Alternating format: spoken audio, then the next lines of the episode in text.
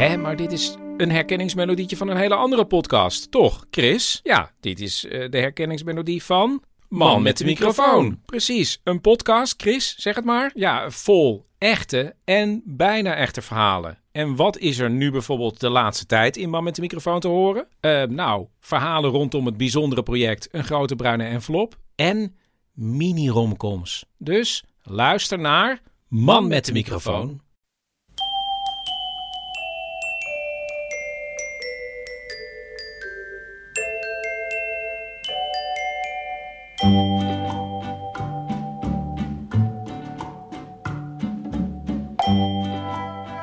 Welkom bij aflevering 212 van Echt Gebeurd.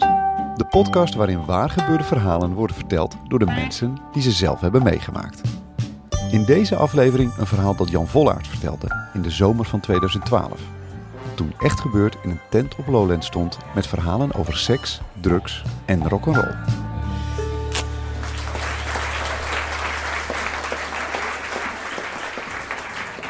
Ik, eh, ik ben de schrijver van het liedje Joker stop met koken. En ik ga proberen, ik ga proberen uit te leggen waarom dat rock'n'roll is. Het liefst was ik natuurlijk zelf een rocker geworden. En ik heb het wel geprobeerd in bandjes en zo, maar talent had ik er niet echt voor. Ik zong I'm gonna do it till the day I die met zo'n fake Elvis accent. Maar niemand trapte erin.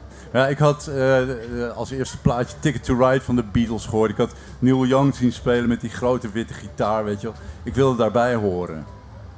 Dus ik dacht, the next best, best thing is schrijven over rock'n'roll. Het was de punktijd. Bij mijn studentenvereniging stond een stencilapparaat. Ik ging gewoon mijn eigen blaadje maken. Helemaal gaaf, weet je wel. 50 exemplaren, zwarte handen, je eigen stuk zag je. Het waren meestal maar, maar 10, 20 regels met fout gefotocopieerde foto's. Maar leuk, leuk, leuk. Ik mocht in het officiële Leidse studentenblad gaan schrijven. Ik voelde me een heel klein beetje popjournalist. Eigenlijk was dat wat ik altijd al wilde. In ieder geval was dat waar mijn talent lag. Ik had een vriend in Leiden die schreef voor muziekkrant Oor toen nog. Die vroeg, uh, kun je misschien eens een stukje schrijven? Ik, uh, ik ben het gaan doen en uh, ik mocht gelijk weer een stukje en nog een stukje. En het was zomer en iedereen was op vakantie en ik mocht het hele blad vol schrijven. En ik was echt popjournalist geworden. Ik kende nog iemand die werkte voor NRC Handelsblad op de kunstredactie. En die um, vroeg mij, ja, wil je misschien eens een keer een proefstukje schrijven? Nou, mijn droom kwam uit. Maar er speelde nog iets anders. Er moest natuurlijk ook brood op de plank uh, komen. In al die tijd met dat gefuk met die rock and roll was ik behoorlijk mislukt in mijn studie scheikunde.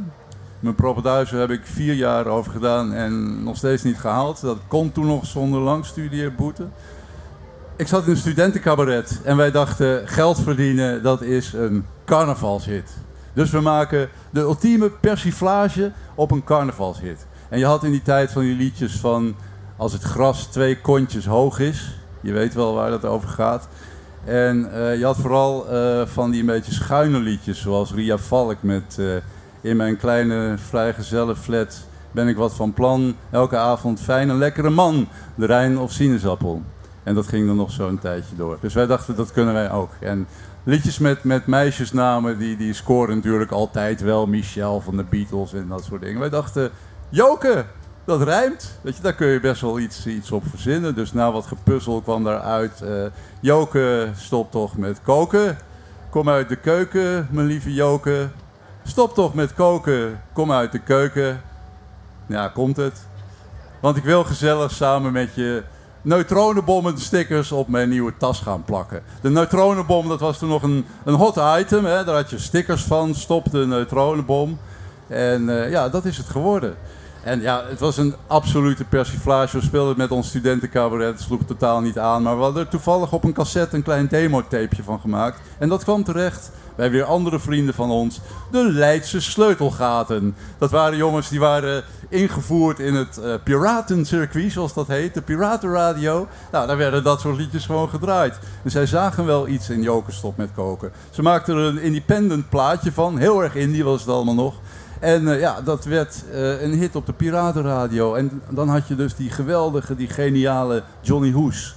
Die uh, zijn scouts had, die dat soort plaatjes overal hoorde. Die zijn oor te horen legde en die zei... Die mensen die moet ik hebben in mijn artiestenstal. Dus de Leidse Sleutelgaten kregen een, een telefoontje van Johnny Hoes.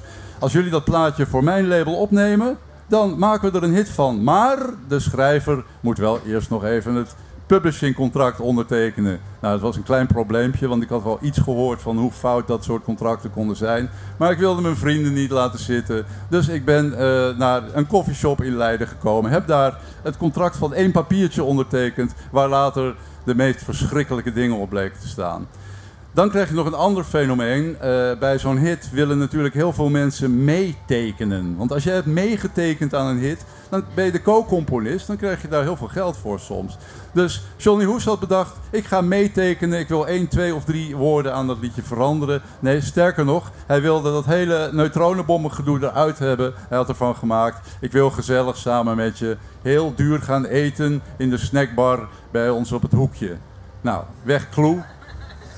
Dat werd helemaal niks. Maar gelukkig is mijn oorspronkelijke versie is uitgekomen. En dankzij Frits Spits, de grote Frits Spits, wie kent hem nog, is het een enorme hit geworden. Want Frits die weigerde zo'n banaal lied te, te, te, te, draaien. Nou, ik was het wel met hem eens, want het was ook bedoeld als een banaal lied. Maar het werd niet gedraaid op eh, Radio 3, uh, eh, zoals dat toen nog heette, geloof ik. Ehm, en het werd een enorme shitstorm. Het werd een enorme controverse. Het werd een hit. Het, werd, uh, het genereerde geld. Het ging goed. Het ging goed. Mijn journalistieke carrière stond op de rails. Ik verdiende zelfs al geld. Alleen, ik zou gaan schrijven voor NRC Handelsblad. En daar werd toch wel een beetje vreemd gekeken tegen een man die stukken ging schrijven over concerten als Lowlands, over serieuze dingen die op dat moment in de hitparade stond met het liedje Joke, stop toch met koken. Ik ben er gelukkig mee weggekomen, jongens en meisjes. Ik doe nu al 25 jaar. Ik sta hier weer uh, voor jullie om in de NRC morgen hopelijk een mooi stuk te schrijven. In Next heb ik ook een stukje geschreven. Ik ben popjournalist geworden dankzij, en hoe rock and roll is dat? Joke stop met koken, mijn uh, redding in de nood. En uh, als je vraagt, verdient dat nou echt heel veel? Ja, dat verdient echt heel veel. Ik heb onlangs nog een, een, een afrekening van Buma Stemra gekregen van 1,38 euro voor ringtonen verkocht in België. Dank wel.